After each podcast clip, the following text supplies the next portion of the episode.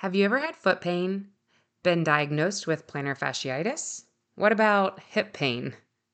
Or shoulder, neck pain? Have you ever been told you have sciatica? If your hands are going up, you're in the right place. We brought back our expert orthopedic physical therapist, Rick Olderman, for part two. We started last week with chronic pain. You are not broken. And we wanted to take a deeper dive into more specific ailments this week. As always, the goal is to provide you with resources so that you understand those next steps, those next steps to feeling better, and sometimes, even just more importantly, understanding that you're not alone. Okay, the last thing before we get this interview started, I'm going to highly encourage you to pop over to YouTube to watch this episode instead of just listen. Rick demonstrates what he is explaining, and he brought his skeleton prop to the interview. And I'm telling you, these visuals are worth a thousand words. So I'll put the YouTube link in the show notes. You can easily just click over there and stay tuned.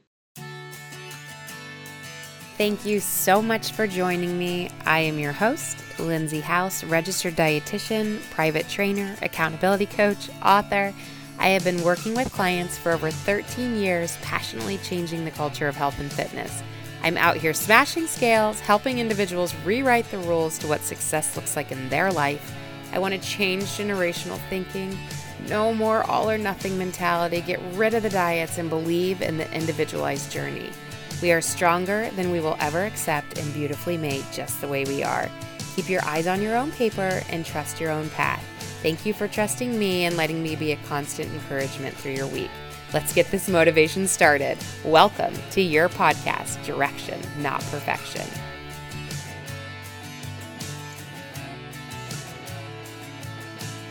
Okay, welcome back to part two with Rick Olderman, orthopedic physical therapist. Again, sports and orthopedic physical therapist with more than 25 years of experience we learned in part one just so much wisdom, Rick, and so excited to have you back. We're going to do this really fun. We're going to hit a bunch of pain points fast and hard today, and you can rattle off where you're where you think we can run with this. Okay, great. So one of the biggest myths in medicine is this idea of leg length discrepancies. So we're going to talk about that. We're going to talk about sciatic pain. We're going to talk about SI joint pain. We can talk about plantar fasciitis. Then we can talk about neck pain and headaches and then we can connect all of the stuff together. So that's where I think we can go yes, today. Please, yes, please. Yes. All right. So go down. You start. All right. So a lot of people who are listening who have sciatic SI joint or other back pain, whatever, uh, are told that they have one leg that's longer than the other. And it, it's, for the most part, not true. It looks like you have one leg longer than the other because when you stand there, you have one pelvis that's higher than the other right? Mm-hmm. But that is a functional compensation for another problem. That's your brain tapping into. Remember in our last episode, we talked about Thomas Hanna has identified these reflexive patterns that we're born with. Well, one of them is a withdrawal reflex. And when you can imagine, if you watch videos of babies stepping on something unpleasant after they're born, you'll see that they have this withdrawal reflex where they pull their foot up, right? Well, that's, we're not, again, that reflex pattern is still in us. We're just overriding it for the most part.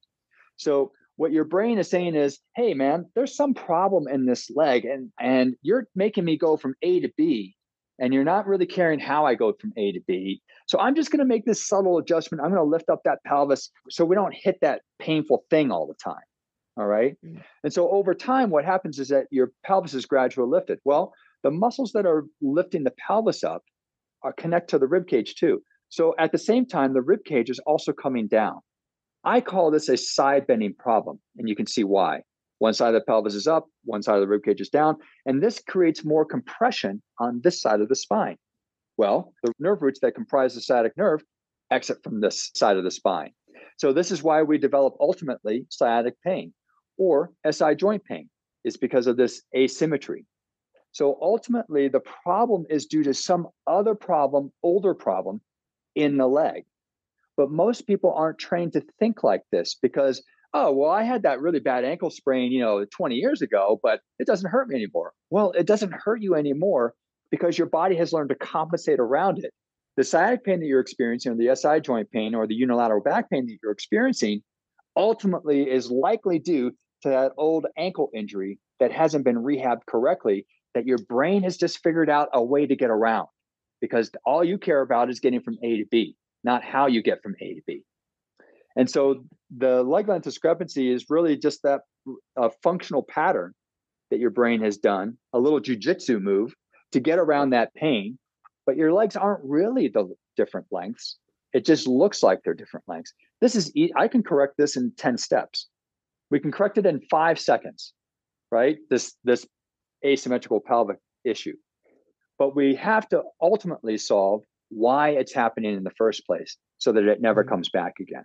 So this pattern is what's responsible for unilateral back pain, sciatic pain, SI joint pain, hip pain, all sorts of things like that. And you can imagine why. Yeah. Okay. So, quick question on that because you mentioned, like, no, it's an old ankle injury. What are you asking or helping your client dive into to help them go, oh, yeah, you know, like, how do yeah. you pinpoint that? So this is the really cool thing about injuries is that if we fix this and we fix all of the compensations that have occurred because of that, and I get them to use their body better, they're going to say, "Oh gosh, why is my ankle hurting?" I said, "This is the source of your pain." So when you fix, mm-hmm. I would much rather deal with a knee issue, a hip issue, or a foot issue or ankle issue than deal with a sciatic or a SI joint or back issue. So when you fix people's issues and you make them use the body the way that they're supposed to, what rises up out of that is the old injury saying, oh, because now you're not compensating for it anymore. Mm-hmm. And now it brings it to the surface, and you can say, that's what we need to fix. This is why you're having all of these problems. Does that make sense? Absolutely. Thank you. Keep going. Great question. So, anyway, uh, we can go deeper into the side bending pattern, but oh, in, in an 80 to 90% of the people, the, the side bending pattern problem is happening because of some problem in the same leg. In 10 to 20% of the people, it's happening because of some compensation in the other leg. In fact, I just worked with someone with sciatic pain over on this side, and we realized after talking with her and talking this through, it, it was related to an old ankle injury on her opposite side. And this ankle injury happened on a hiking incident where she was carrying a heavy backpack and had to load over to the other leg. Well, now the other leg is carrying 10 or 20% more of your body weight in addition to the 40 to 60 pound backpack. And over time, as this healed, she never went back to weight bearing on this leg again. She just stayed over here on the right side because her brain didn't say that anything was wrong with this, right? No, nothing hurts. Yeah. We can keep doing this. But over time, it does hurt. It breaks everything down. Now we we talk about plantar fasciitis. So plantar mm. fasciitis, the plantar fascia is on the bottom of the foot. And we talked about fascia in our last episode, that it is connective tissue that runs through the body. Plantar fascia is a particularly thick piece of fascia, like a piece of fabric. And what it's designed to do is help your arch bounce back after you walk on that foot. Well, what happens is the, the main cause of, of plantar fasciitis, itis just means inflammation, it just means it's irritated, is that your mm-hmm. calf muscles are too tight. So mm-hmm. when we walk, our our knee should be able to bend over our foot like this. The ankle needs to be able to bend. But if the calf and soleus muscles are too tight, it restricts the ability of the knee to bend over the foot. Well, if you've ever turned and accidentally walked into a table or a door, there, your body is generating a lot of force when it's moving forward. Well, that force it has to go someplace when you're moving forward. And if your ankle can't bend, then there are two places that force needs to go. It can either go down into the foot or it'll shoot back up to the knee or the hip, right? Hmm. Well, the foot has 26 joints in it. So there's lots of ability to accommodate that excessive force. But in accommodating that, then the foot flattens excessively. Well, hmm. then the plantar fasciitis, plantar fascia has to stretch excessively and it doesn't get to bounce back the way it's supposed to bounce back. And then it becomes irritated ultimately it comes down to a calf and soleus muscle that's too tight. But stretching the calf and soleus muscle doesn't solve the problem because that's not why it's tight. It's hmm. tight because of how we sleep. So we sleep, if you sleep on your back, you have a cover on your foot that points your toes away. That's six to eight hours of calf tightening during the night. If you sleep on your stomach, the bed is now pushing the foot away, right? Again, six to eight hours of calf tightening or shortening. And if you sleep on your side, you'll notice that usually your feet are pointed away like that as well. Six or eight hours of calf shortening. So this this came to me after I've been stretching calves and soleus, and every day it would come back again and come back again. I'm just like, what is going on? What is causing mm-hmm. these things to contract? And then I realized it was how we sleep. Once I mm-hmm. realized that, uh, almost 100% plantar fasciitis correction. All right. So ultimately, that's what needs to happen is to fix how you're sleeping in order to fix the plantar fasciitis. Which means, like, I've seen the socks that pull your foot back, or what's your recommendation? Yeah, I have a dorsal night splint I recommend, and that's in my foot pain program, and it's sold on Amazon. It doesn't have to be that specific dorsal night splint, but the sock, mm-hmm. what I've learned about the sock is that it's going to pull the toes back.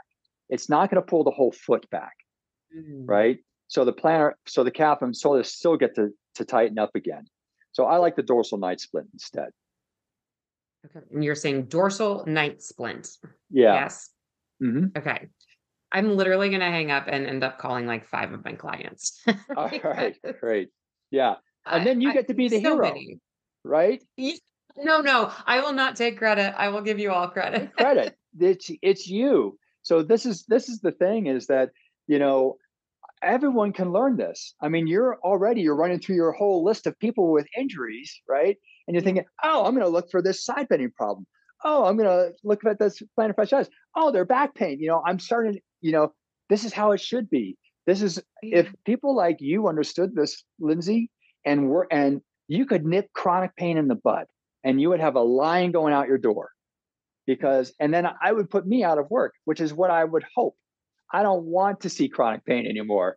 I mean, it's easy for me, but I wish people could get fixed right in the beginning before it even happens. Fixing these things from a system standpoint in the body rather than this component right. thinking that we're training. But you can see yeah, how easy no, it is, right? You don't have to be a genius to implement this. Well, and I think it's like all professions. And I love when there's teamwork happening because we all catch each other's clients and hear what we needed to hear that we can forward on to that next person too. Me understanding what you're talking about, I get to transfer that knowledge. And that happens with diet and it happens with just PT and everything. So I thank you. Good point. We all need to know this. Yeah. I did I know you have more to say moving forward, but I really, before we miss out on more time, what is up with the like stretching and it comes so you started to talk about this with the plantar fasciitis. If somebody feels like their whole body is constantly tight and they stretch and they feel better for that small amount of time and then they wake up and it's all back over again never loosening what's up with that? Yeah so this is what i was talking about with thomas hanna's work. This is a neurological tension pattern that you're describing. So if you stretch a muscle, that muscle should stay lengthened because you've stretched mm-hmm. a tight muscle. But it's not going to stay lengthened if it's a contracted muscle because you've taught it to be contracted. It's going to recontract the way that you've taught it to be. That could be in response to biomechanics, dietary issue, inflammatory response, emotional, psychological issue, whatever is feeding that contraction pattern. And so I've created, oh, also on my website, you can just get these somatics audio lessons. I've created eight of them that are designed to help people relax their their bodies and reduce this tension pattern in eight different types of ways, in eight different types of patterns. All right. Hmm. They're hugely powerful. And I I ask almost all people with chronic pain to begin with those because then you get to see, oh my gosh, it's a larger tension pattern that's feeding my pain not just that stupid stretch I've been given over the, all these years, right? That that keeps getting tight again, right? Now I get it. This is a tension pattern, and so this is really liberating for a lot of people to understand. Yeah, and again, this is on your website. Name your website again. RickOlderman.com. RickOlderman.com, and you said there's eight of them on there. Yeah, so they're eh, they're eight lessons. They're all about a half hour long each. They're like a very gentle yoga session, but without the strain. They're designed to release tension. So you're not going to leave that session feeling like you're all worked up, right? And got a good sweat out of it. You're just yeah. you're going to leave that that session and you're going to feel like, "Oh my gosh, I can move so much better. I feel so much more relaxed. I feel so much better." And if that's how you feel, it's telling you, "Oh, there's a larger pattern of problems creating my pain rather than just mm-hmm. my hamstring tightness or something like that. Right. Yeah, that's so good. Are you going to go into this something like um, fibromyalgia or autoimmune type? Or have we already kind of covered, or is this its own issue altogether when somebody has more of that type of chronic pain? Yeah, so no one understands what's going on with fibromyalgia or various other autoimmune issues, but wow. our body has many different systems. I'm just talking about our musculoskeletal system. We have our yeah. intestinal systems, we have immunity system, we have our, our, our central nervous system, we have all different types of systems. So I think these these more difficult problems like fibromyalgia are an an integration of all of these systems coming together to create global pain rather than just yeah. one system. And so what I, I, tell people is, you know, I don't make any claims to solve chronic fibromyalgia. If I did, I'd probably be a, a multi-billionaire, right? But yes. what I what I can say is my program will help you eliminate the musculoskeletal system aspect of your pain. So it will help you use your body better and reduce tension in patterns in your body that would decrease pain and whatever musculoskeletal derived pain you have this will likely mm-hmm. solve that then you're left with whatever other systems are contributing to your pain as well but at least you'll be able to move your body better feel less musculoskeletal pain that doesn't mean that you'll feel less fibromyalgia pain it'll just mean that you're using your body better so you'll know that oh this this isn't musculoskeletal because I'm using my body better now and I'm doing the somatics and they're keeping my body relaxed. Yeah, no, that's a great answer. And I think when people are in chronic pain like that, if you're offering even 10% feel better, 20% feel better, it's a heck yes, right? Like anything's better than where I currently am type of um, working towards. I have to say, it is a big not, deal for a lot of people. Yeah.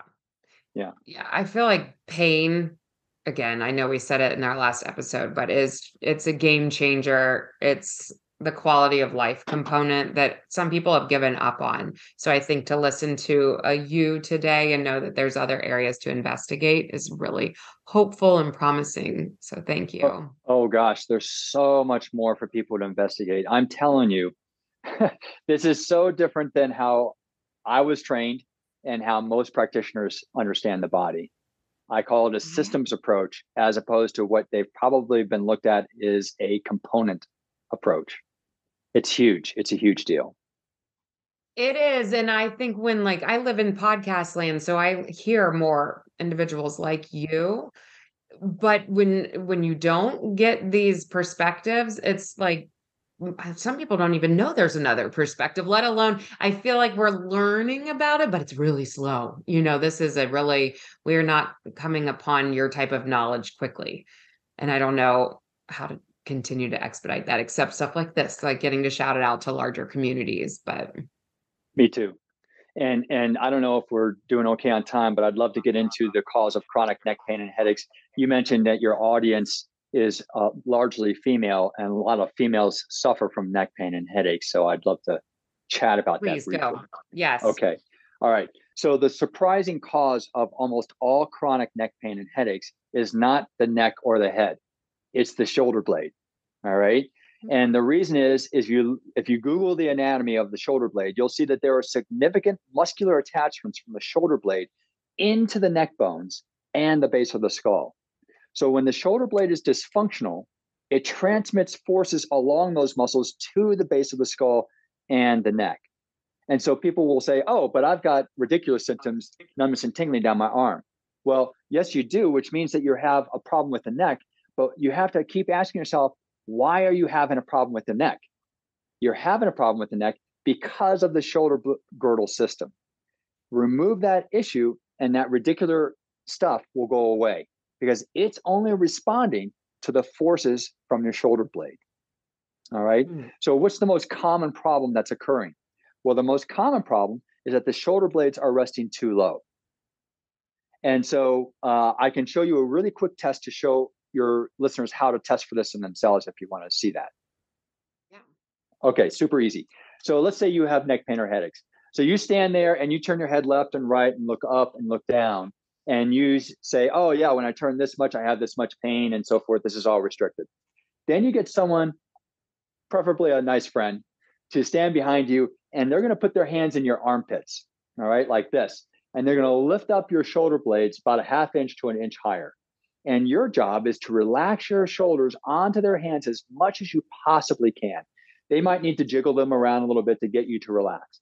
So after about 15 or 30 seconds, you're going to turn your head again, left, right, up, and down, and notice whether you can turn lo- further without pain or you have less pain overall. This, if you do, this is confirming that the sh- your pain is caused by your shoulder blade system. All right. Now there are a lot of people who've been in chronic pain and they can't relax their shoulders. So, uh, so they'll say, "Oh, I don't feel any change at all."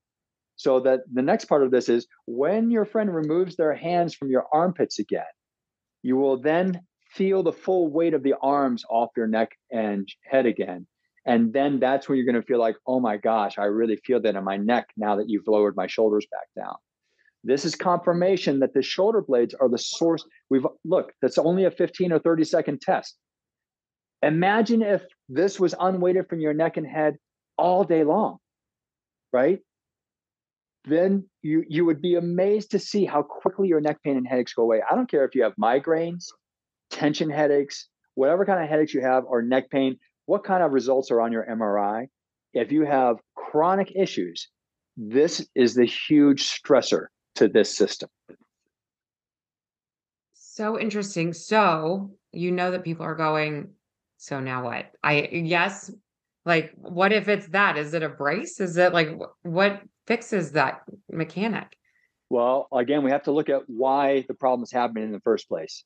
So, why would the shoulder blades be resting too low? Well, most people who've been to uh, yoga, Pilates, or if they have a history of gymnastics or dance, have been trained to bring their shoulder blades down and back into their opposite back pockets. This cue is given to create good posture. And mm-hmm. it's a it's a false cue though because what has happened is I believe the aesthetics of dance have slipped into yoga, Pilates, gymnastics, and so forth. And we have this desire to create a long neck because it looks good. Dancers have long necks, they're the epitome of beauty. So let's try and all have long necks. But I don't believe that this is the original cueing for yoga hundreds of years ago is to pull your shoulder blades down into your back pockets. All right. So what is happening is you are depressing the shoulder blades by your effort to bring your shoulder blades down and back into your back pockets to create better posture. Because look, if I do that, look, I'm I'm now up up tall, and this is how I'm supposed to be, right? I'm supposed to be tall mm-hmm. like this. Well, doesn't this look just like that Landau reflex pattern that we talked about with Thomas Hanna? You know, the super alert, you know, pattern, right? You're, so you're reproducing that pattern by doing this move. So how do we solve it? Well, we we take the shoulders out of the equation. So here's really easy. Put one hand up on your chest, the other hand on your belly. Take a deep breath in. You'll feel your chest lift. Exhale. You'll feel your chest go back down again. All right. Inhale again once more. Feel the chest lift. This time, when you exhale, you can exhale all the way, but don't let the chest go down all the way. Let it go down 99% of the way, but not that last 1%. And you'll notice when you stop the chest from lowering all the way that your stomach muscles have just engaged ever so slightly, maybe 5%. All right. Can you feel that, Lindsay? Mm, I can, yes. Okay. That is your core holding up your rib cage. That is why we have so many layers of core muscles and why they're so big. That's what they're supposed to do. All right. So now you're getting them to engage naturally simply by holding the rib cage up, maybe a millimeter. Okay, so the second part of this equation then is to bring your arms down by your sides and loosen up the shoulders and get them like two dangling ropes by your sides. And you'll notice that the once you've relaxed your shoulders, you've also let go of your core. Mm-hmm. And the reason is is because you've tied shoulders to posture instead of your core to posture. Mm-hmm. So this is going to be your homework is to frequently get the shoulders out of the equation, learn how to engage the core naturally just simply by lifting the rib cage.